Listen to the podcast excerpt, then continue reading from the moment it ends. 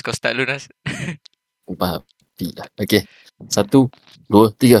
Assalamualaikum warahmatullahi taala wabarakatuh. Kembali lagi bersama saya Nas dengan Zaidan di dalam The Malaysian Podcast. Episode ke berapa Dan? Episod ke 94 Kelima Oh, um, kita dah tahu. Kalau kau perasan lah Tak tahulah kalau kau dah perasan Kita pun baru 30 saat. Um, Aku dengan Nas Kita orang bertukar tempat. Nas pakai mic aku. Aku pakai mic dia. Kepala otak ke? Kau dengar suara Oh merdu. Buntut ke? Aku macam uh, Apa tu? Drive through McDonald Punya uh, Mic. Ha, Macam ni lah bunyi dia Assalamualaikum warahmatullahi wabarakatuh. Macam mana ada apa? Aku tak pernah dah masuk drive through Eh. Kau adalah dalam 0.3% manusia yang tak pernah pergi drive thru. Yeah Okay uh, Episod ni kita tak lama sangat kita mungkin dalam setengah jam dalam 40 40 minit macam tu. So tanpa melenggang me, me, me, apa? Melenggangkan masa. Ha melenggangkan masa kita majulah ke hadapan. So uh, apa khabar Nas? Saya tak sihat? Alhamdulillah um, sihat dan selamat dengan- Hari Raya Aidil Adha Yeah. pada semua kawan-kawan kita yang menyambutnya. Kau balik Dan kampung? tak? selamat Hari Raya. Ha? Balik. Mestilah balik gila raya. Raya dekat Pantai Timur paling meriah ha. Boleh cakap macam tu lah kalau Aidil Adha ni. A- Asal Fam- Hari Raya Adha kenapa bukan Hari Raya Aidilfitri? Okey. Aku aku cerita berdasarkan aku punya apa uh, experience ataupun pengalaman aku lah. Okay. Sepanjang beberapa negeri yang aku bekerja, ya. Ramai cakap uh, sambutan Hari Raya Aidil Adha di Pantai Timur memang meriah daripada negeri-negeri lain lah. Okay. Aku tak aku tak faham. First first aku masa aku duduk Johor, masa aku duduk Selangor, masa aku duduk Kedah ni aku tak faham lah. Eh, uh, masa dua negeri yang sebelum ni lah, Selangor dengan Johor tu aku tak faham lah. Tapi bila aku aku dah lama duduk kat tempat yang dua tempat tu, Johor dengan Selangor. Dan bila aku balik kat Pantai Timur, baru aku faham maksud dia orang meriah. Dari segi Okay. Ya, Pantai Timur punya persepsi bukan persepsi lah cara uh, sambut Hari Raya Adha dekat Pantai Timur ni meriah disebabkan oleh uh, ibadah kurban tu sendiri. Macam aku, bagi aku kalau aku balik kampung tu wajib setiap family akan ada eh akan ada uh, ada akan ada kurban dan even kalau kalau pun ada family yang tak tak ada kurban tahun tu orang tu ataupun budak-budak ataupun orang tu di situ akan datang tolong untuk melapah apa semua walaupun dia orang tak terlibat dalam ibadah korban tu. Maksudnya gotong royong lah. Memang betul-betul meriah. So macam gathering lah. Ya. Yeah. Well, macam aku uh, jarang ah balik kampung. Bukan ja- jarang tu bukannya dalam macam like a year. This is like 10 years. Kalau jarang tu dua tiga kali je balik. Tapi tahun ni aku balik juga. Uh, Balik apa? Apa? Kau balik mana? balik Johor lah Batu Pahat. So Hmm. Pergi sana um, Kita orang sewa Homestay lah Sebab kita orang tak nak menyusahkan uh, Family kita belah sana so, Kita sewa Faham, homestay Kau tahu tak Homestay tu Aku rasa Homestay tu Sumpah function nak mampus Kita orang duduk situ 3 hari 2 malam Jumaat sampai Ahad Homestay tu. Okay, Kita bila pergi homestay Okay ada macam Biasalah bilik Katil semua Tidur Ada dapur Semua tu standard lah kan. Hmm. Homestay aku duduk ni Aku sempat tak expect aku. Aku sampai rumah aku cakap Oh besar juga parking dia. Parking dia boleh uh, Boleh muat dua kereta Dalam rumah. So aku cakap Oh dan aku naik tangga. Kimat Depan tangga tu Sebelum masuk itu rumah Dia ada pool. Pool tu Bukan swimming pool tau Ni pool snooker Pool tu Meja tu Kau boleh convert dia jadi um, Air hockey Table ping-pong um, Ah, basically tiga benda ni. So aku cakap, ush, fu- fu- function lah. At least ada benda ni kan. Dan once aku masuk kan. Karaoke dekat TV dia. Board game. Ooh. Dia ada board game tau. Uh, board game mahjong. Uh, uh, chess and then dia ada yang apa? Yang tarik-tarik macam tower tu, tarik batang aku lupa nak panggil. Oh, Jenga. Jenga. eh? Ah, Yeah. so that ada and then dia ada card game normal and then uh, dia ada uh, dia pasang ni dekat TV dia. Dia pasang ni juga uh, uh, NES. Nintendo punya sistem lama. Hmm. So macam ada lah macam untuk budak-budak main. So okay lah. And then Nampak meriah uh, siang. Berapa tu? uh, kita orang tiga hari dua malam kita orang sewa seribu empat. Tapi Oi, ramai lah family dalam tu. Kau main kan? Ya, tapi dis- aku- disclaimer lah, bukan bukan nak bukan nak promo eh. Ha, nama apa Dan? aku tak tahu. Tak tahu. sebab bukan aku yang aku tak bayar pun. Ah, maksud aku bukan tak bayar. Aku aku yang uh, cari semua. Yang cari kakak ipar aku. Aku duduk je. Have fun je kat situ. Um, dia dekat dengan area bandar Batu Pahat tu lah so dia tak jauh pun daripada dalam like 5 minutes je dari keluar. So dengan swi- swimming pool ada semua aku macam eh bapak function gila tempat ni.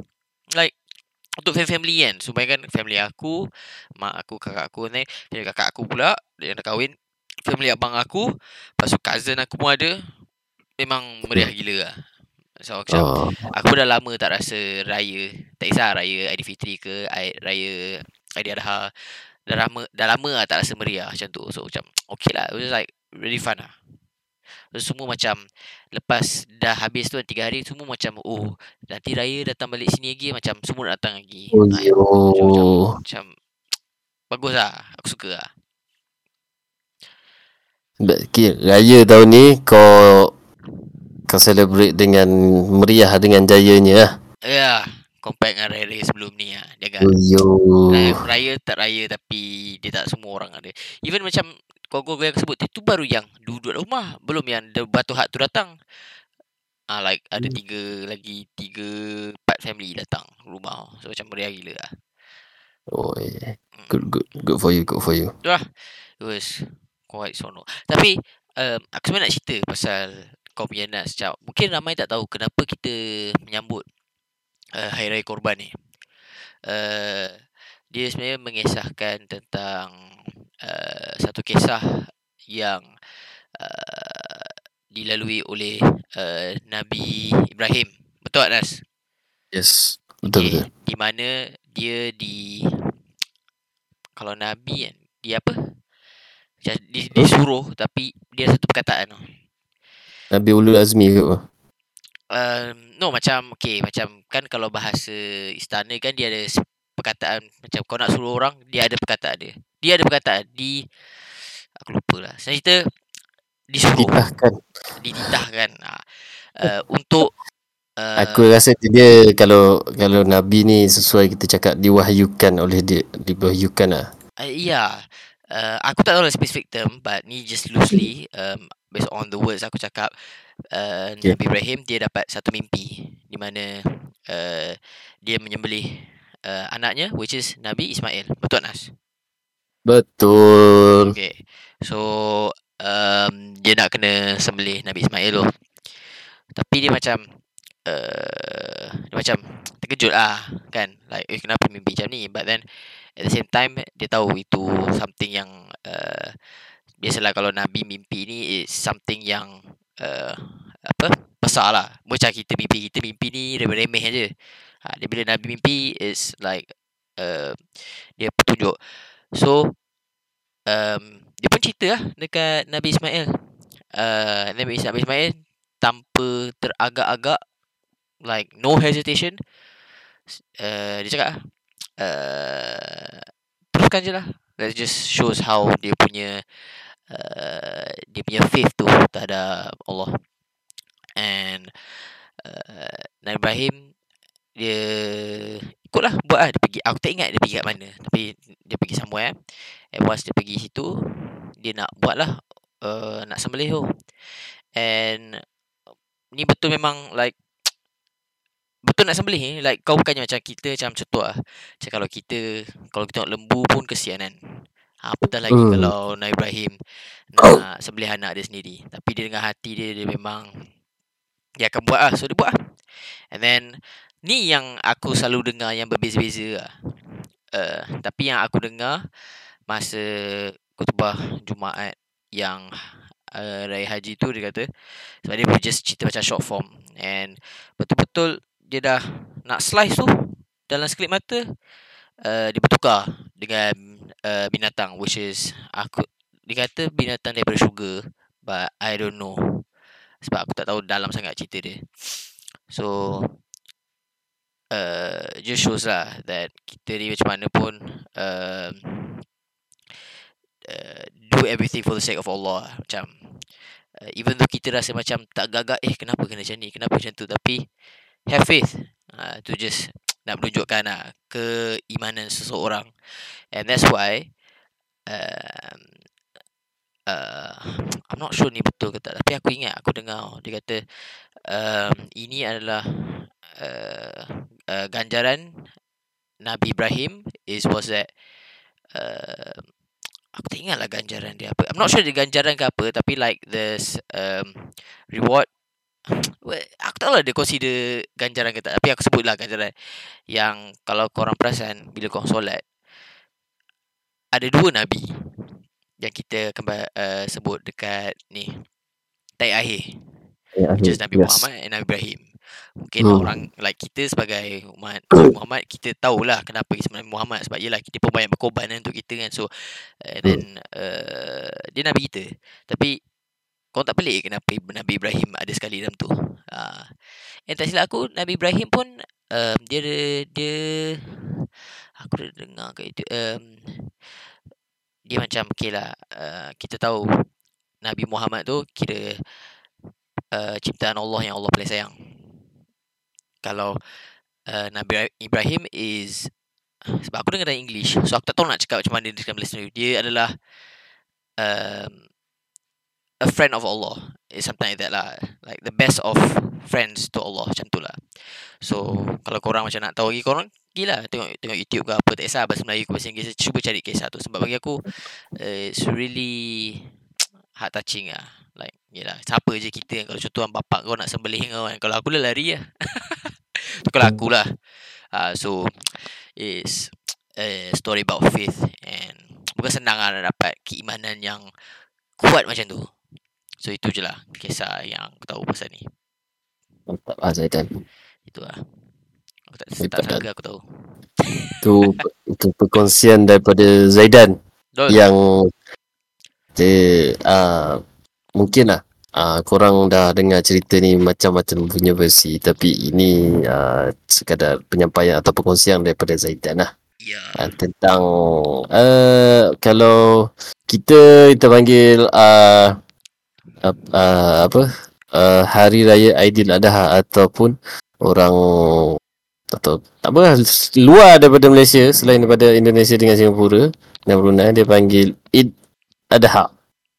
Eid Ed, Eid Eid Eid id, ada. Eid Happy Eid dia panggil. Okay. Um, Aku Aku dengar Zaidan kupas pasal uh, Hari Raya Aidil Adha ni. Sebenarnya Cerita pasal Nabi Ibrahim ni Bagi bagi kita lah umat Islam uh, Bagi aku benda ni simbolik Dengan kehidupan kita lah. Sebab um, Nabi Ismail Macam Zaidan cerita tadi Dia punya ke keimanan kekuatan keimanan dia dia sanggup ikut je arahan mana yang disampaikan oleh mimpi dalam uh, mimpi Nabi Ibrahim.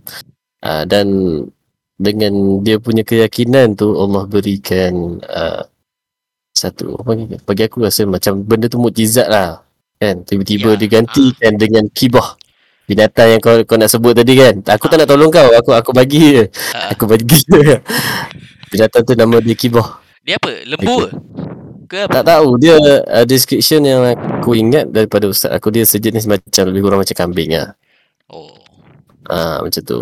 Ah, jadi itulah perayaan dia sambut. Dia simbolik kepada pengorbanan ah, seorang hamba manusia terhadap ah, penciptanya. Eh, cakap pasal pengorbanan. Apa? Kita um, aku nak kupas panjang pasal Eid Adha ni aku tak tak berapa pakar sangat eh. Ha. tak apa. Tapi dia, dia punya to, dia punya sebab dia, kita masih lagi dalam beberapa baru beberapa hari kan. Sebab kita raya tu berapa bulan? 27. Uh, hari Kamis. So baru seminggu sehari. Eh seminggu dua hari. Ya. Oh, baru seminggu. Dia aku punya pengalaman daripada kecil sampai ke besar. Kan? Dia berbeza-beza punya version tau. Daripada masa kecil dulu kita hanya orang bagi tempat aku lah. Aku membesar di Pantai Timur dekat Kelantan. Aku membesar uh, masa kecil dulu walaupun uh, arwah ayah aku dengan uh, umi aku suruh aku pergi tolong orang melapah walaupun tolong se se se seringan-ringan angkat pinggan ataupun tolong masak uh, buat air ataupun tolong potong daging ke dah okey. Tak tak tolong potong uh, lapah kulit lapah daging pun tak perlu. Dia cakap benda yang paling ringan.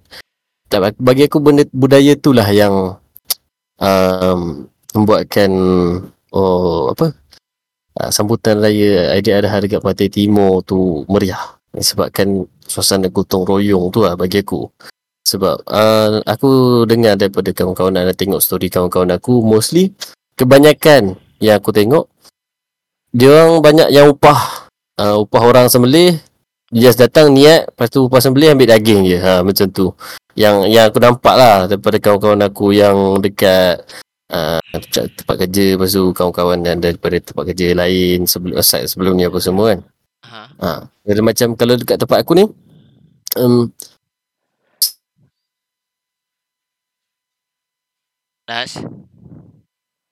Hello? Guys Kita ada Kehilangan seorang. Das Das Aku tak Satu family. Okay Satu family apa? Kau hilang Satu tadi? family. Okay Hello? Okay, ha. Kau dengar balik. Kau kata uh, Satu family.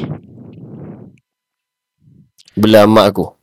Pakcik aku eh, jap, Abang aku. Bukan bukan Bukan satu family. Kau cakap tadi uh, Yang kau kata Berapa orang yang kau nampak member kau orang panggil uh-huh. orang untuk upah.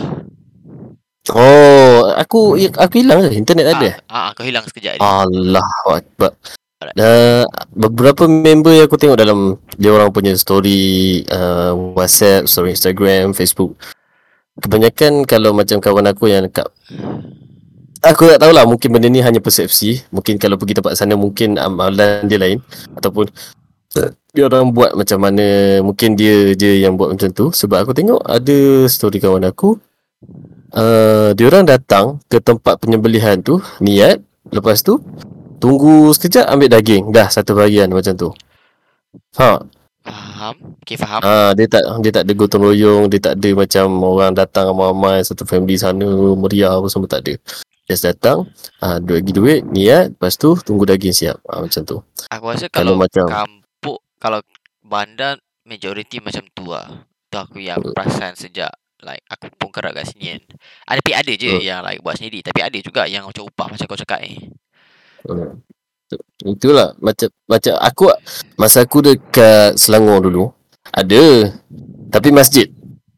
Ha, saya ke lembu macam ramai lah, ramai mas, tapi kat masjid saja.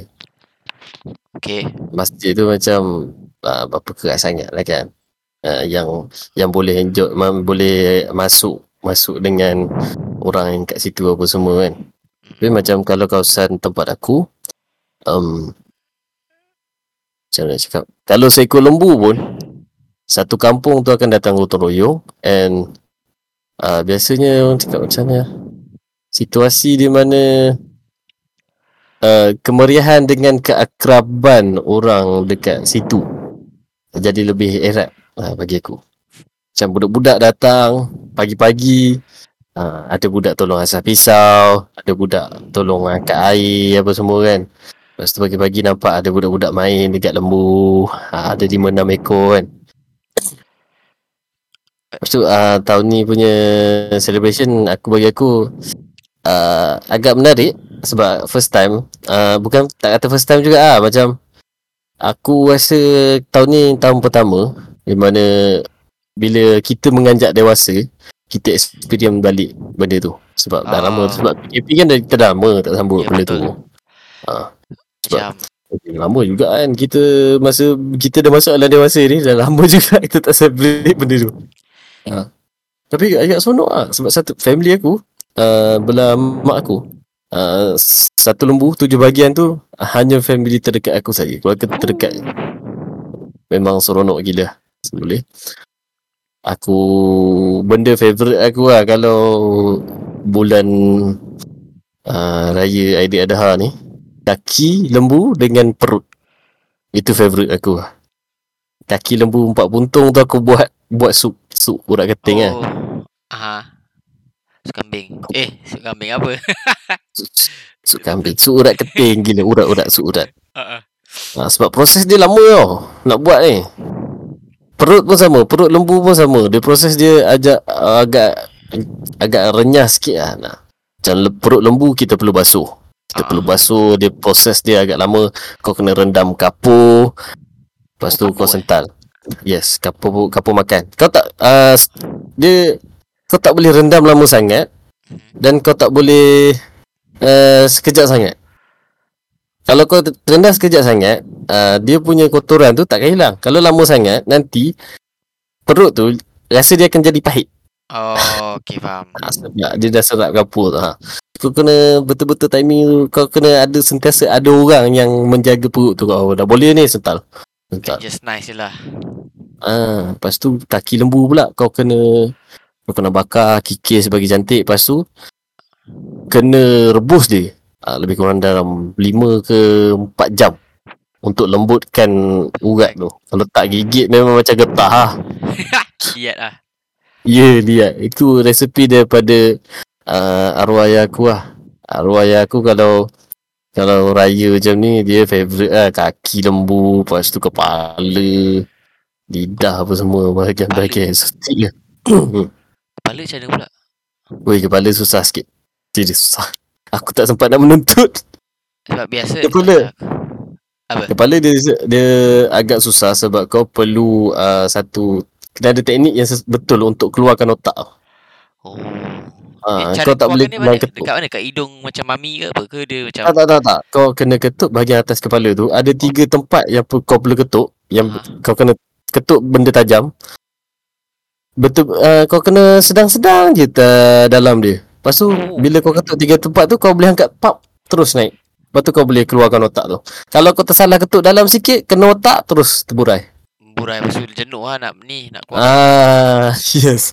So kena ada teknik yang betul untuk keluarkan otak. Menarik Macam tu lah. Yes. Kalau kau dah, apa yang best bila kau aku kau kau, kau balik raya tu kau kau family kau ada sembelih juga kan? Oh tak uh, Aku buat sembelih kat sini je Dekat Oh, surau. Ada satu surau kat sini memang. Cousin aku sebenarnya Aku ya sana sekali. Oh, lah, mana okey, yang boleh tolong pegang ke apa ke. Tapi yang Macam Nak siat semua tu ke aku lah. Oh, okey okey okey. Aku tolong mana yang mampu lah. Uh, Tapi cerita pasal Benda macam ni kan Macam Hmm. Kita main peranan yang Dah lain dah Compare dengan dulu. Macam dulu kita budak. So kita main peranan yeah, sebagai budak. Cuba cerita lah. Kita dah besar sekarang So kita main peranan sebagai orang dewasa pula. Ya betul Eh. betul. And tu bagi aku Benda-benda macam ni Dia kena galakkan Macam Macam kita dewasa of course lah Ya. Kena libatkan diri Tapi at the same time Budak pun kena libatkan diri Sebab benda-benda macam ni boleh Ajar budak-budak Nilai-nilai yang Bagus lah Kita nak kena pandai bergaul dengan orang tu kan. hmm, Sebab bagi aku Zaman sekarang ni Budak Dan dewasa ni Dia punya macam Gap, Gap. tu Ah besar betul betul betul. Ya tu. Ah, Orang tu macam orang cakap tak ada macam orang dewasa tak faham budak atau budak, tak faham orang dewasa. dewasa. And Ah. bagi aku benda ni dia kena dua-dua kena kena ada effort Sad- untuk untuk bergaul untuk bercampur lah masing-masing. Macam Kita tak boleh nak blame one one side je. Kita Ah, tak boleh ya. nak salahkan satu pihak. Mm-mm, betul. So macam bagus lah benda-benda macam ni memang aku suka lah. Especially uh, di zaman digital ni lah di mana kita semua atas social media kan sekarang so ada benda macam ni kita ada secara fizikal is good lah. Betul betul. Okay. Uh, okay. Uh, I think that's all for Rai Haji. But kita ada satu benda yang menarik juga nak masuk lepas ni. Hmm. And this is satu topik yang aku tak expect this akan this organisation akan buat this competition uh, akan buat this uh, keputusan which is which is di mana FIFA melarang aku tak pasti sama ada dilarang ataupun diharamkan untuk tim-tim pakai One Love armband. So Oh. untuk siapa yang layan bola tu One Love armband tu adalah armband yang di mana dia pakai tangan tu yang bentuknya love. Itu nak menunjukkan uh, perpaduan tapi perpaduan yang melibatkan aktiviti sebagai semua tu kan Nas? Aku tak pasti tapi aku rasa benda tu berkaitan dengan benda songsang sebab dalam tu ada pelangi kan. Aku tak tahu Zimbawan. Benda ni muncul waktu World Cup. Uh, dia macam satu Eropah cuba nak. Ah, tak tahu lah. dia Oh ya benda ya ni. ya ya. Aku ingat masa tu paling yang buat kecoh punya. Jerman. Germany. Ya, yeah, yang tutup mulut apa semua tu kan. Ya. Ha. Dia, berkata, dia berkat, macam hak asasi manusia lah dekat Qatar. Aku rasa part tu. Tapi yang dalam armband tu, dia ada warna pelangi tu. Itu yang aku tak suka. Macam Okay Perpaduan Kita umat Islam Dengan perpaduan Orang bukan Islam Berbeza That's why. Kita bukan against perpaduan Kita Nak perpaduan Tapi perpaduan yang betul Ada je Perpaduan yang tak betul Ha Perpaduan yang saling membuntut. So Agak terkejut ah Sebab Kau kena faham Organisation ni Nak duit je sebenarnya. So cara nak dapat duit Is they Diorang kena pander kepada Semua jenis Manusia. Baik betul Baik tak betul. So that's why kau nampak macam-macam. Contohlah Bila Bila Pride Month Kau akan nampak Company-company Contohlah Coca-Cola Game company Ubisoft ke apa Semua tukar logo pergi Logo pelangi. Sebab apa? Diorang nak Yes. tarik Audience pelangi Sebenarnya dia orang tak nak pun sokong pun. sebenarnya. Sebab They just Follow the money Tu je And diorang nak Diverse Aku paling benci Penggunaan Perkataan diverse Di dunia moden ni Especially dalam entertainment Ya tu.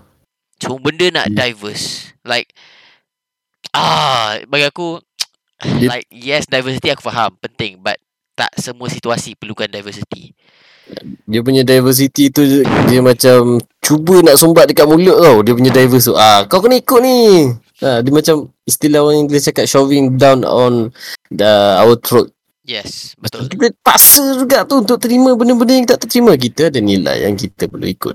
Kita umat Islam, kita tahu kan. Ada limit di mana uh, toleransi tu dah tak boleh dikira toleransi. Ada benda yang kita boleh follow, ada benda yang kita tak boleh follow. Macam World Cup itu jadi isu kan. Pasal hak asasi manusia, dia cakap pasal apa kata buat stadium apa semua. Bangladesh punya workers ada isu. Memang betul. Benda tu aku tak tahulah.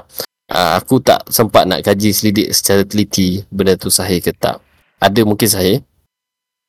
Um, mungkin benda tu tak betul. Tapi kenapa waktu uh, Piala Dunia baru nak heboh-hebohkan pasal benda tu. Dan Eropah macam butt hurt tau. Macam terlalu tak tahu lah. Dia Tiba-tiba Eropah. melompat. dia macam mana eh? Dia macam anti Middle East senang cerita. Um, macam ni lah kita boleh kait dengan bola kan. Ha. oh, kan sebelum kan Man City kan semua tu kan all money kan. Newcastle Yes. semua. Semua tak suka. But then bila um, MU nak kena beli dengan orang Arab and then tiba-tiba yang kritik tiba macam eh bagus lah diorang ni semua like kau nampak dia punya hipokrisi dia kalau benda tu tak menguntungkan diorang diorang tak akan Yes, Eh, itu. diorang memelala so. Yeah. macam ada kau tengok tak klip yang Rio Ferdinand tu dia cakap, dia cakap dekat Hmm. Harry Harry Redknapp ke apa ke Jamie, Jamie. Harry Maguire. dia kata pasal um, kan MU kan nak kena beli dengan ni kan so Rio Ferdinand pelik lah. Kau kritik kita orang semua ni ni ni tapi kau tak ingat. Kau tu dulu angkat angkat boot uh, back Steven Gerrard semua. Kau tengok Steven Gerrard kat mana sekarang? Dekat Arab sana. Tak ada pula kau kutuk dia semua. Ha, Siapa? macam Siapa? Jamie Redknapp ke? Ja- Jamie lah kan yang ho- yang Jamie host. Carragher. Carragher? I think it's Carragher lah Kalau Jamie Redknapp lagi tua daripada Gerrard ya, ya. dengan Carragher. Ah, Ah, banyak sangat Jamie. Redknapp anak kepada Harry. Hmm. Anak Harry Redknapp. uh, Jamie Carragher yang, lah kadang Gary Neville. ah, Gary Neville, Jamie Carragher dengan Ray Ferdinand jadi pandit sekarang. So dia lah So Rio Ferdinand buat tweet Aku aku respect lah Dia call out Orang tu Sebab nampak lah Hipokrisi dia kat mana Kalau dia benda tu mana-mana. tak-. Tak menguntungkan orang Diorang ni lah Bising lah melalak lah Cuba dapat duit tu. Uh Auto diam. Tak cakap apa. So Itulah. Eh, Tapi itulah Modern football. Aku secara jujurnya kan nak cerita pasal hipokrasi Eropah ni terlalu banyak sebenarnya. Ya Ya, Banyak sangat. Ah, dia orang terlalu Tapi Macam You can see lah The cracks Starting dekat Eropah sekarang. Uh, The first was Ni lah tu satu negara. Dengan Ukraine. And then the second biggest one Is France lah sekarang. Hmm, oi, France sekarang tengah ada isu. Riot dah dekat seminggu sebabkan ada ada kekejaman polis pergi tembak ada seorang warga uh, warga Perancis yang keturunan Perancis Algeria. Oh Yang tu Aku tak um, Saya tak boleh nak cakap lah Like uh, Itu punca dia ke apa Tapi maybe it could be uh, One of the reason lah Hmm. Sebab uh, ada je aku baca kata oh orang kata itu bukan punca dia sebenarnya tapi kau kena faham benda ni politik and mungkin orang cakap macam tu untuk macam Cover. nak cover. Ah yes. Yes, sebab Tak nak- bila berkaitan dengan media ni, dia, kita di zaman di mana uh, free media ataupun semua orang boleh bercakap. And kita nak tahu resource tu kena kena betul-betul kaji sebab eh, ini aku rasa benda ni penting lah Mat. Uh, dan benda ni aku rasa kita kena ajar generasi yang akan datang ataupun dekat sekolah kena ajar tau pasal pentingnya um, Kesahihan belajar info. untuk menapis ah tapis uh, info macam zaman Ah, sekolah ni. dulu Uh, Hmm? cerita pasal kesahihan info ni memang cantik ah. Kau tengok tak yang siapa pelawak tu? Yang kau tengok tak? Yang dia pergi jumpa siapa yang aku lupa eh siapa eh? Shuib ke Ni uh, arwah Siti Sarah punya lelaki. Ah. Shuib Shuib lah Ah, ah Shuib. Ah, kau, kau ingat tak? Eh, Baru-baru ni. Yang dia aku tak tahu pasal isu ni jelaskan aku Dia face to face dengan orang macam cakap buruk ah kat dia pasal uh, dekat uh, Twitter. Macam, uh, dia cakap aku tak ingat sangat tapi ada something berkena dengan Freemason lah. Nak orang tu tuduh uh, Shuib tu macam uh, ahli Freemason semua. Lalas depan kamera semua dia jumpa dengan Shuib tu. Shuib tu jumpa dia. Ha, Shuib ni lah macam tanya kenapa kau buat ni? Oh, aku sebenarnya copy paste je. Tapi still walaupun kau copy paste, kau faham tak kau spread info yang pelik-pelik, yang tak benar. yes sebab dia punya reach audience orang tak aware ataupun orang tak peka dengan apa yang diorang mampu capai dengan keadaan uh, dunia free speech sekarang dengan informasi yang di hujung jari sekarang orang tak faham sebenarnya benda tu Betul. benda tu bagi aku uh, kalau call out to anyone yang dengar ataupun ada dekat uh, dalam ada kancah dalam pen, uh, men, Kementerian Pendidikan Negara aku rasa benda ni perlu untuk diterapkan dekat sekolah. Betul? pentingnya penilaian informasi. Sebab kita di, di zaman di mana kita tak boleh nak kita tak boleh nak stop. Memang kita tak boleh stop. Tapi apa yang kita boleh buat adalah kita kena didik diorang untuk nilai and pandai membaca info yang betul sama ada sa- sama ada benda tu betul ataupun salah. Macam ada ada macam spread uh, dia orang ada bagi buat kempen pasal tak pasti jangan kongsi. Betul. And benda tu aku rasa one of the fundamental things about uh, information. Sebab sekarang uh, nak cakap bukan setakat social media buku yang diterbitkan pun kadang-kadang aku rasa macam Pelik. tak tahu lah. Pelik. Aku tak tahu lah. Kita ada ada badan yang mengawal uh, publishing ataupun penerbitan ni uh, dekat Malaysia ni tapi aku tak tahu macam mana ada certain buku yang aku baca macam boleh tak ditapis. Faham. Ah. Seolah-olah macam dong ni tak buat kerja. Macam benda tu. Bu- mungkin benda tu dipublish sendiri tanpa pengetahuan ha, tak maybe. apa ha, tak tahu aku tak nak sebut kan buku-buku tu ha, yang aku baca aku tak nak sebut sebab memang aku hobi aku memang aku suka cari bahan bacaan yang pelik-pelik memang, memang aku suka dan aku suka baca artikel dekat online.